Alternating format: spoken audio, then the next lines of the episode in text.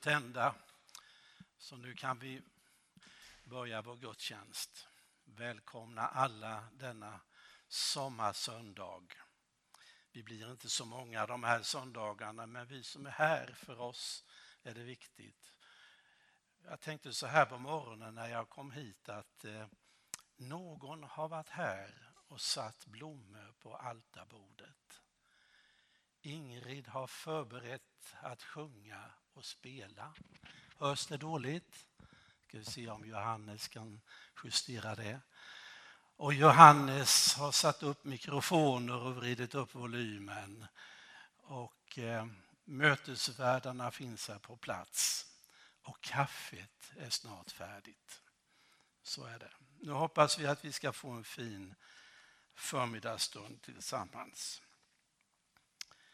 I den 62 salmen står det Bara hos Gud finner jag ro. Från honom kommer min räddning.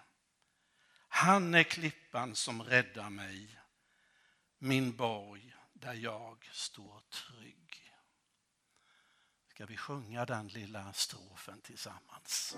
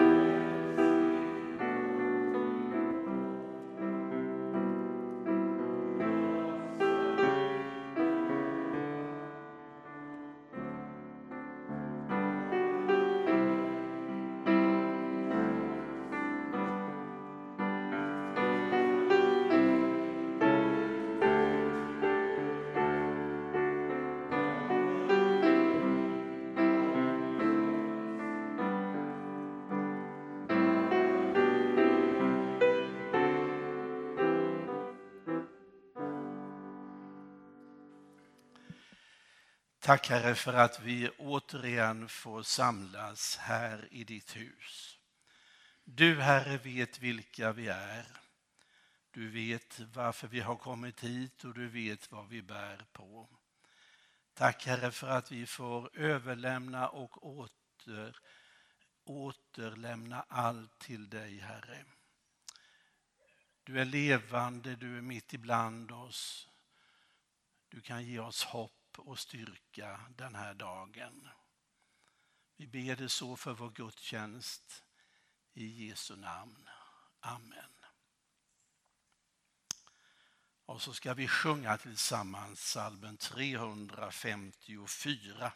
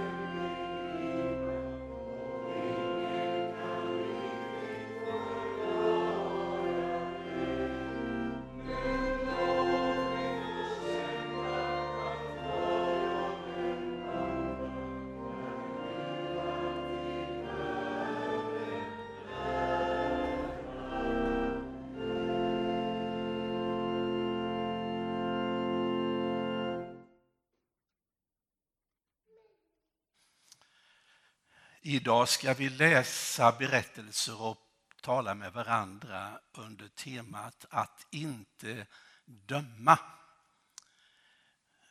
Det är ju så under den här perioden i kyrkoåret så handlar väldigt många söndagar om hur vi ska förhålla oss till varandra och till livet. Och att inte döma är inget enkelt ämne. Vi ska börja med att läsa från profeten Sakarja där det står Ja, ni har i psalmböckerna på sidan 16, 15 tror jag att texterna finns. Så kan ni följa med. Finns på väggen med. Johannes är flitig, så bra. Där läser vi från profeten Sakarja. Återkom Herrens ord till Sakarja. Så har Herren Sebaot sagt. Fäll rättfärdiga domar och visa varandra kärlek och barmhärtighet. Förtryck inte änkan och den faderlöse, invandraren och den fattige. Tänk inte ut onda planer mot varandra. Och så ska vi läsa från Romarbrevets fjortonde kapitel med början på vers 11. Och där skriver aposteln Paulus så här.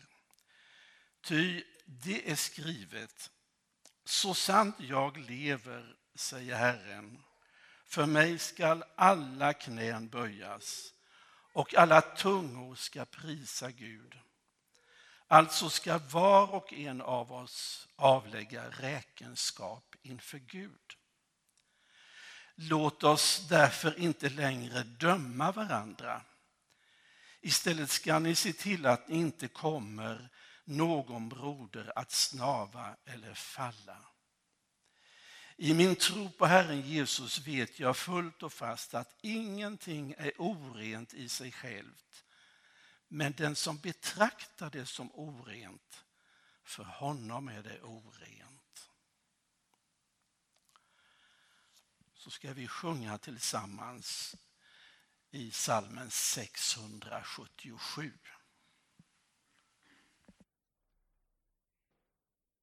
Thank.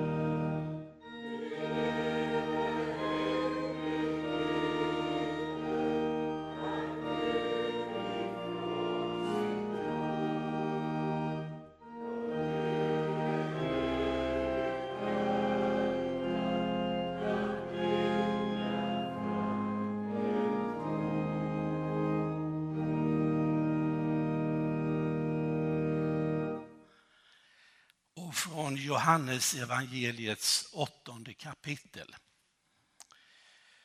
Alla gick hem var och en till sist, sitt, men Jesus gick till Olivberget.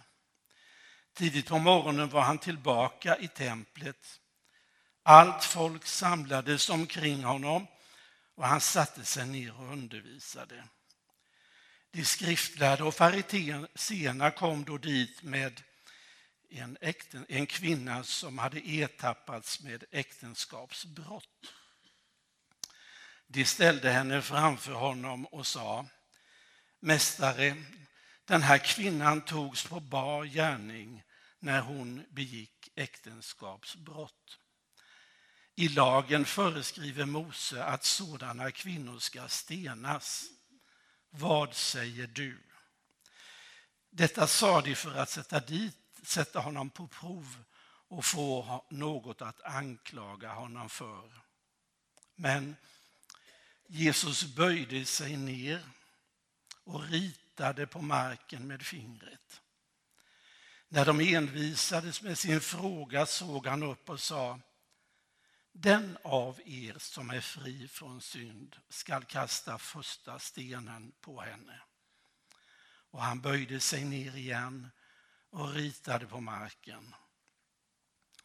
När de hörde hans svar gick de därifrån, en efter en.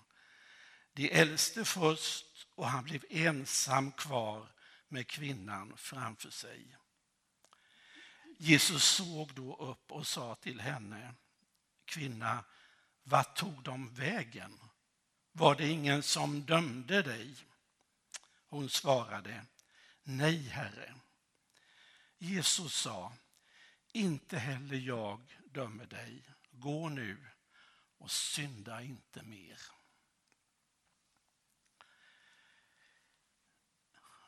Jag tillhör ju en generation som har förmånen att kanske under hela livet få ha med mig och lyssna till mängder med sånger.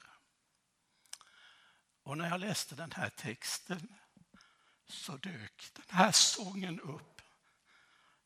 Jag har bett Ingrid att sjunga den.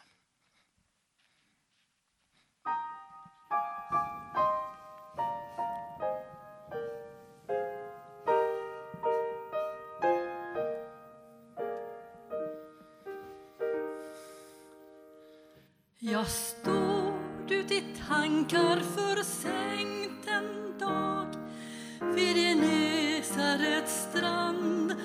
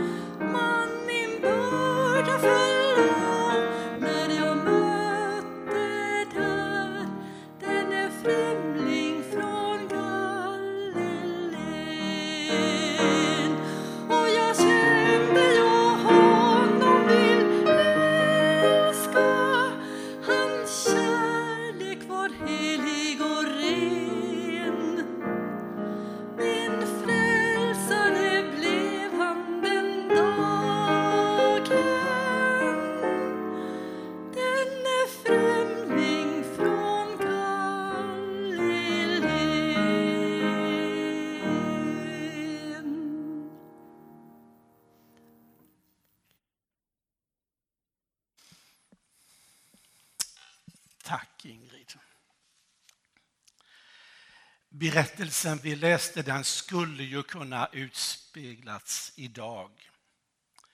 En kvinna som ertappas och som dras inför pöbeln. Hon ska straffas för det hon gjort. Mannen är osynlig och oskyldig.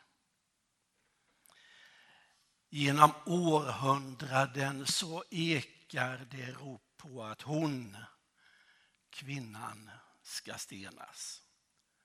Eller hon förtjänar stryk. Eller det är hennes fel, inte mitt, att jag måste slå.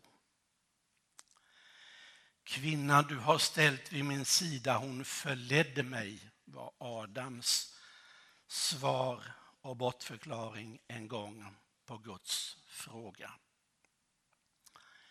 Historien är fylld av händelser lik denna. Kvinnan som får skulden. Förra året, 2021, anmäldes i vårt land cirka 28 000 misshandelsbrott mot kvinnor. Där offret oftast var bekant med gärningsmannen och där det som hände skedde i hemmet som borde varit den trygga platsen. Läser vi vidare från Brottsförebyggande rådet så läser vi om att ungefär 5 procent av alla barn i vårt land blir vittne till våld i hemmet. Och samtidigt vet vi ändå trots allt att mörkertalet är stort. Män som vill stena kvinnor eller män som hatar kvinnor var ju titeln på Stig Larssons ena deckarroman, en Salander-deckare. Det tycks vara ett tidlöst problem bland oss människor. När domarna ska fällas, då dyker detta upp gång på gång som en förevändning. Dessutom i vår text så reduceras ju kvinnan enbart till att bli ett illustrationsexempel för fariséerna och de skriftlärda. För att driva i bevisning att Jesus hade fel i sin syn på tillämpningen av lagen och profeterna. Namnlös, utan rättigheter, ingenting i sig själv bara ett offer i raden av omänskligt och ovärdigt beteende. Måste det vara så här bland oss människor? Nej, absolut inte. Det finns ingenting som säger att det måste vara så. Det är inte ödesbestämt att män stenar kvinnor. Det är inte genetiskt betingat. Pojkar behöver inte fostras till våldsverkare. Det är andra ideal än de som leder till övergrepp, förtryck och våld som kan förråda. Jesus avväpnar stenkastarna och han skapar en frizon runt omkring sig och kvinnan. Det Jesus gör är uppfordrande. Och frågan jag ställer till mig själv och som jag ställer till er är är jag, är vi sådana att vi rycks med i pöbelhopen? I fördomar, i ryktespridning, i misstänkliggöranden, i fördömanden och domar mot olyckliga människor. Eller har jag kraften och modet att sätta mig bredvid Jesus eller ställa mig bredvid honom och skapa ett avväpnande utrymme. En frizon för människor som drabbas av allt det där runt omkring oss idag. Och det får bli fortsättningen. Hur hur skapar vi den här frizonen? Om man starkt förenklar historien om när människor började ta till sig berättelserna om Jesus och började tro på honom så kan man säga att det var två frågor man började ställa. Ursäkta, jag ska bara få på mig den här. Den ena frågan var, vem var han? Vem var Jesus? Om man återberättade historierna om honom, de som själva var med och såg och hörde var naturligtvis viktiga källor, som Johannes vars berättelse vi läste idag. Och så efterforskade en del och man hörde efter. Och det är påtagligt och det är frapperande att mycket av det som är vår kristna tro idag börjar inte med ett föredrag eller börjar inte med att någon har fått en uppenbarelse.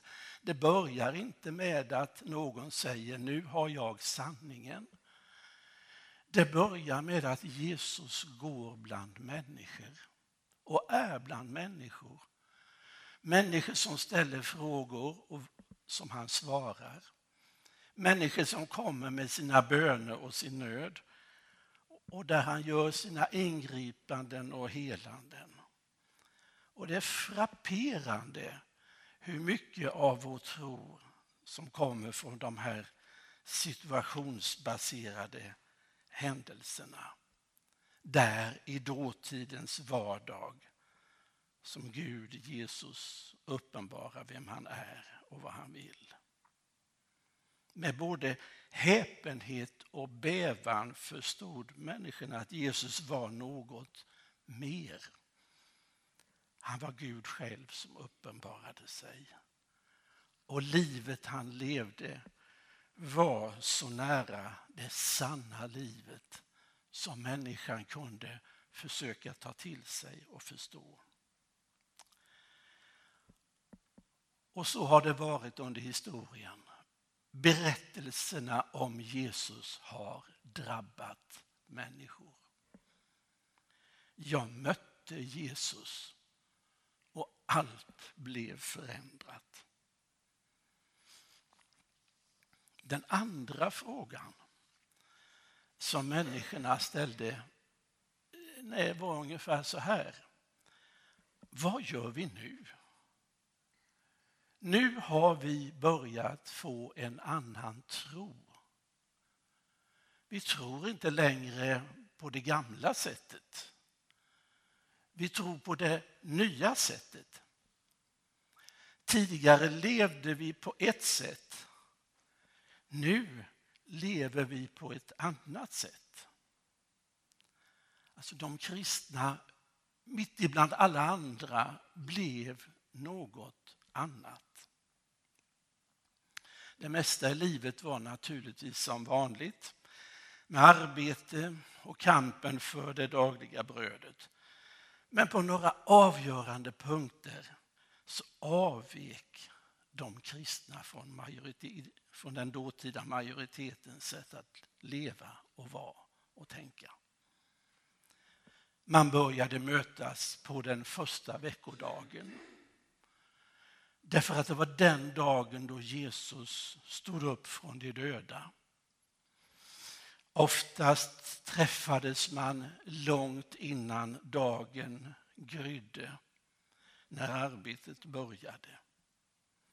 Man sökte sig till gemenskapen med de andra som trodde. Det här var ju inte särskilt provocerande. Ofta så skedde det i det fördolda. Men det var en avvikelse från majoriteten.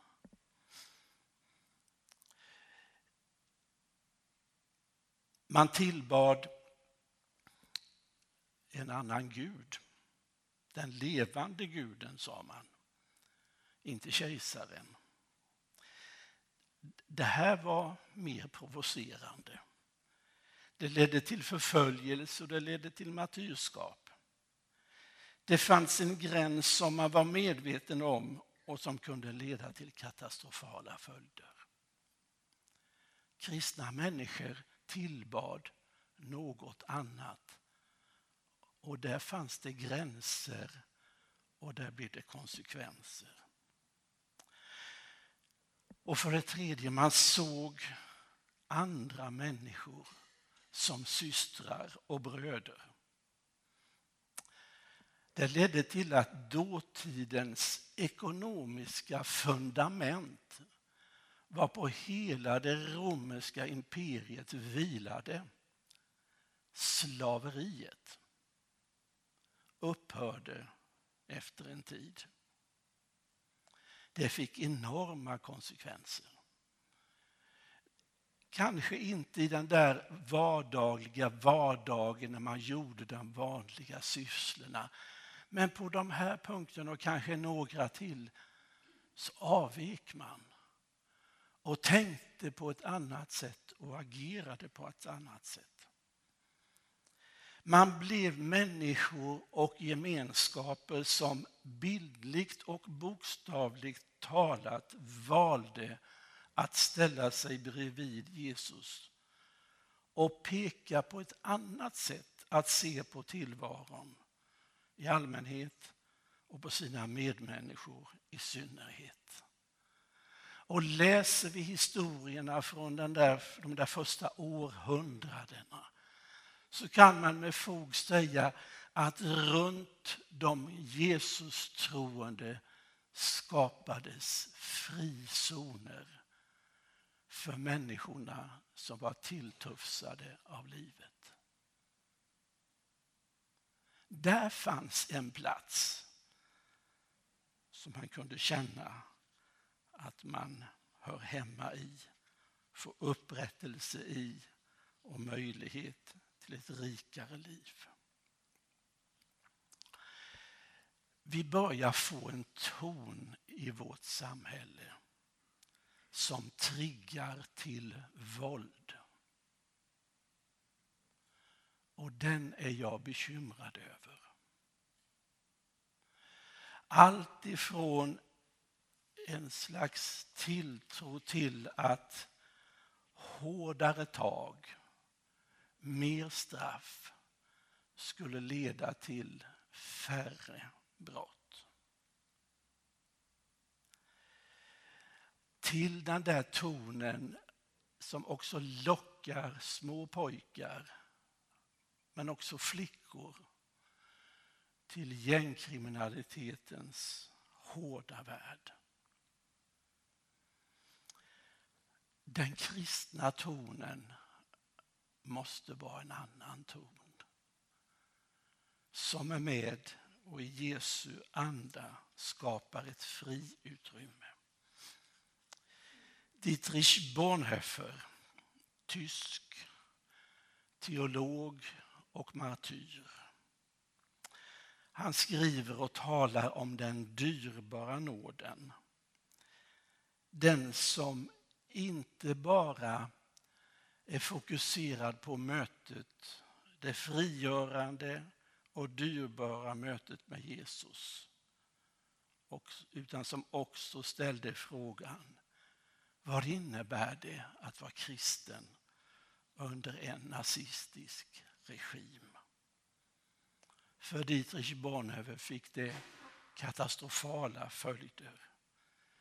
Men han var med och skapade den där frizonen för andra människor som pöbelhopen ville ha bort.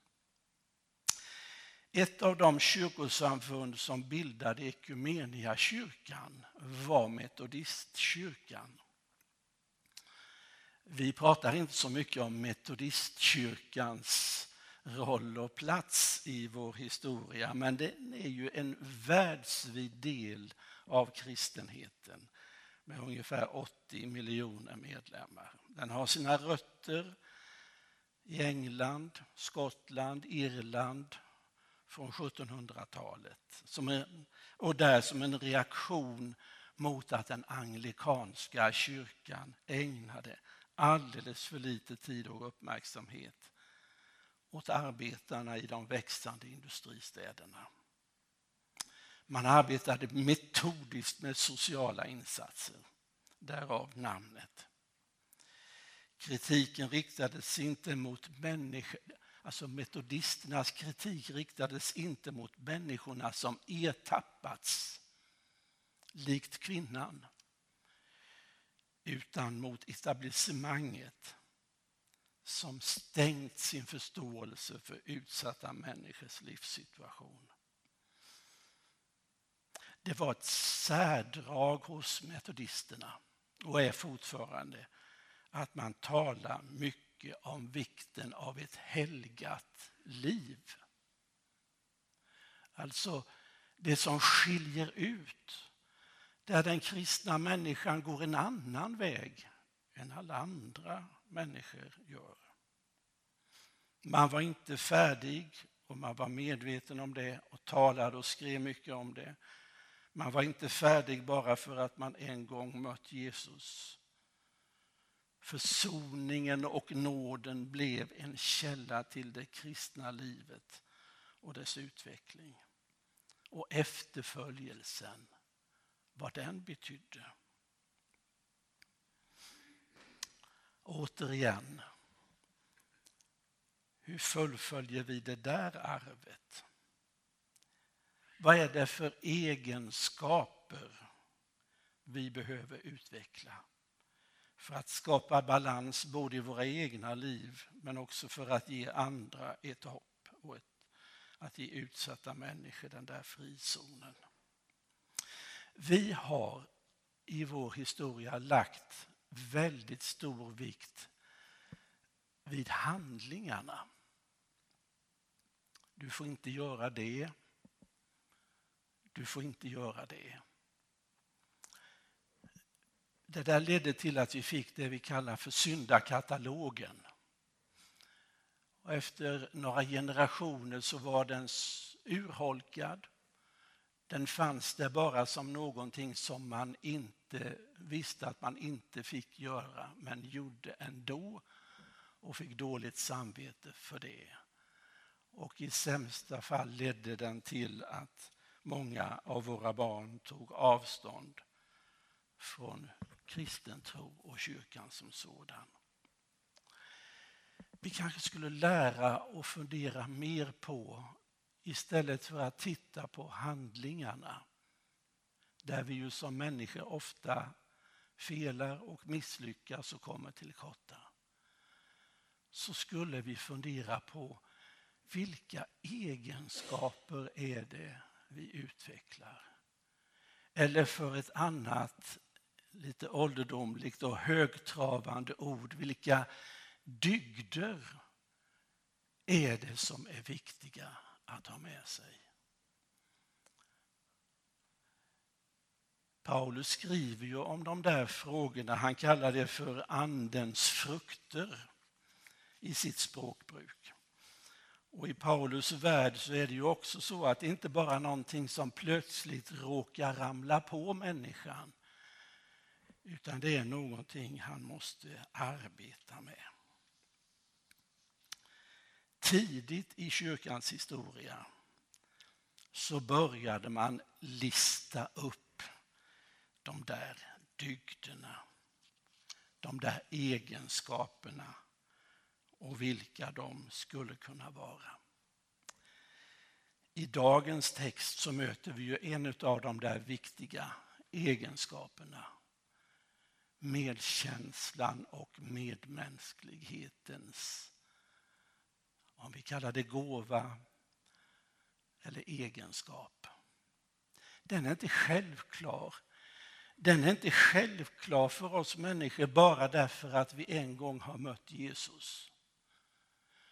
För många av oss krävs det arbete och övning för att lära sig medmänsklighet och öva sig i att ställa sig jämte en kvinna som ska stenas. Eller ödmjukheten, som är en annan av de heliga dygderna som man skriver om i den katolska kyrkan eller generositeten eller måttfullheten eller tålamodet eller fliten. Som farfar och morfar så har jag under åren suttit utanför övningslokalen där barnbarnen har spelat.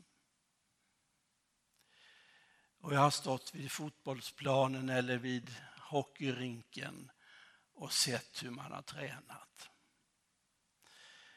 Vi har sett och hört de stapplande första stegen. Spelläxorna som i början inte var alldeles för väljudande. Och på, tis, på onsdag kan vi åka och lyssna på våran Anton som spelar för människorna i ödestuge. Han är duktig. Men det ramlade inte ner. Utan det krävdes arbete, arbete och arbete. Eller vid fotbollsplanen eller hockeyrinken eller basketplanen där man har nött in spelmönster, grepp och sätt att vara. Nött och nött och nött tills det har suttit. Det ger sig inte självt bara för att man har fått ett par skridskor i julklapp. Eller en fotboll i födelsedagspresent. Det var bara början. Det krävdes något mer för att skapa den där fris... Jag tror ni förstår min andemening med detta. Livet för oss människor är inte bara nåden och kärleken från Gud. Det är inte bara det det handlar om. Det handlar också om att likt Jesus avvika från pöbelhopen att ibland välja att gå en annan väg. Att ibland visa på något annat. Kanske inte med de stora handlingarna utan med en attityd och en egenskap som säger till min medmänniska, jag ser, jag vet, jag förstår.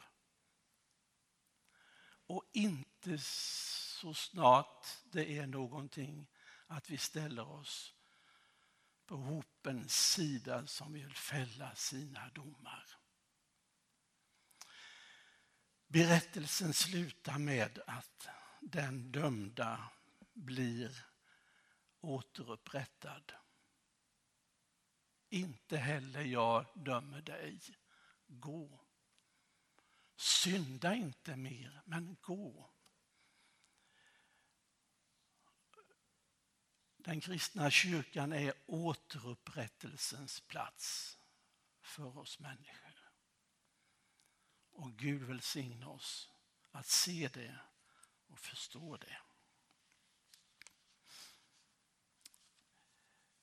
Johannes kommer att lägga upp en bön som vi ibland beder här i kyrkan. Och den ska vi be nu. Överlåtelsebönen. Vi beder. Du som ville mitt liv och har skapat mig efter din vilja. Allt i mig känner du och omsluter med ömhet. Det svaga lika väl som det starka, det sjuka lika väl som det friska. Därför överlämnar jag mig åt dig utan fruktan och förbehåll. Som ett lerkärl lämnar jag mig i dina händer. Fyll mig med ditt goda så att jag blir till välsignelse. Jag prisar din vishet, du som tar till dig det svaga och skadade och lägger din skatt i bräckliga lerkärl. Amen.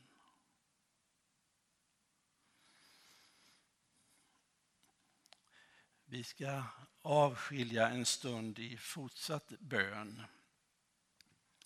Bön för varandra och bön för människorna vi har i vår omgivning. Och Ingrid kommer att sjunga med oss och spela för oss under den här tiden och vi kan tända våra ljus i ljusbäraren som en symbol för det vi vill be för. Jag ska tända några ljus nu i början som får bli en markering eller en riktning för några av oss att särskilt be för.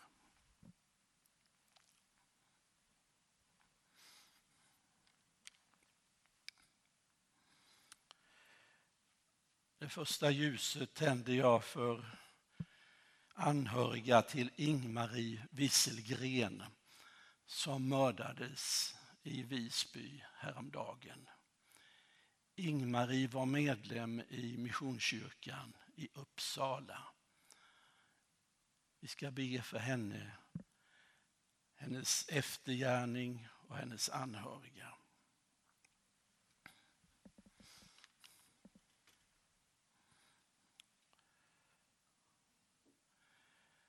Vi ska naturligtvis idag också be för människorna i Ukraina och inte förtröttas och glömma bort våra medmänniskor som idag är utsatta för så oerhört hög press och så mycket våld.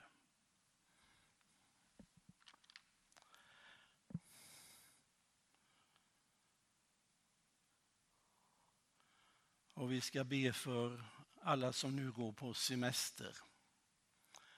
Semestern kan vara välgörande men den kan också vara påfrestande för många.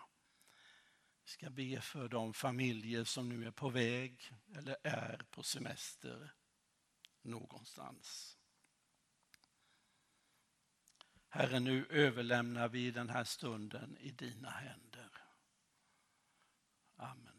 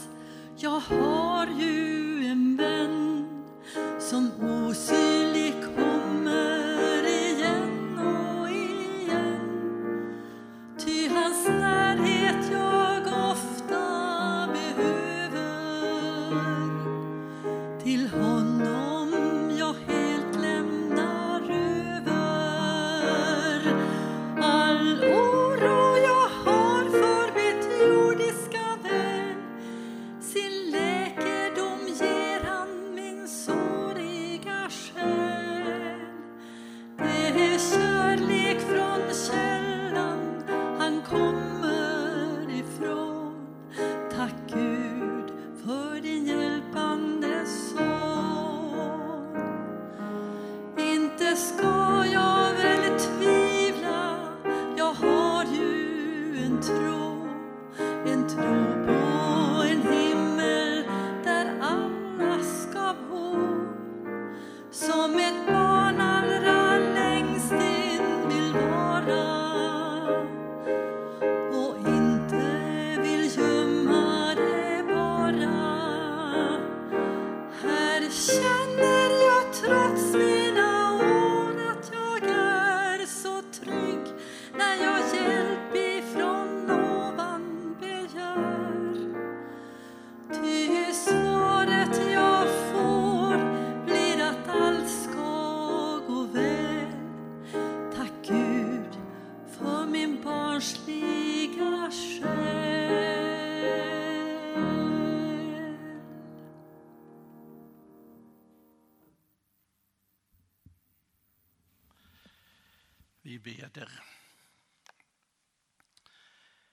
Tack Herre för att du hör vår bön.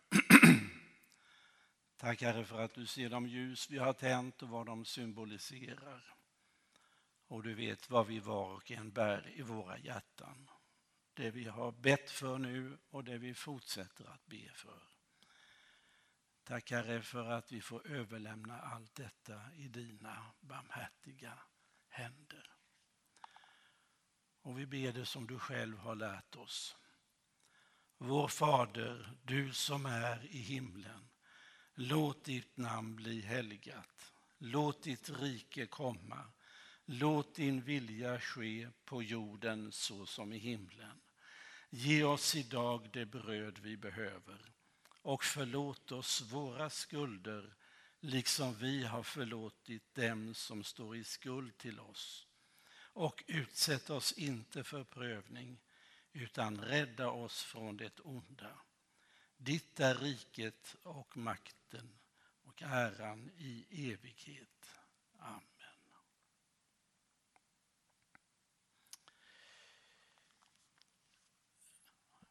Vi har inte sagt någonting om kollekten idag.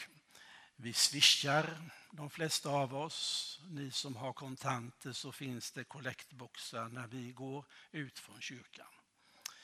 Och ni har sett på skärmen här framme vad som händer framöver eh, här i kyrkan. Nästa söndag så möts vi ju till gemensam gudstjänst med också Pingstförsamlingen och Månsarps missionsförsamling.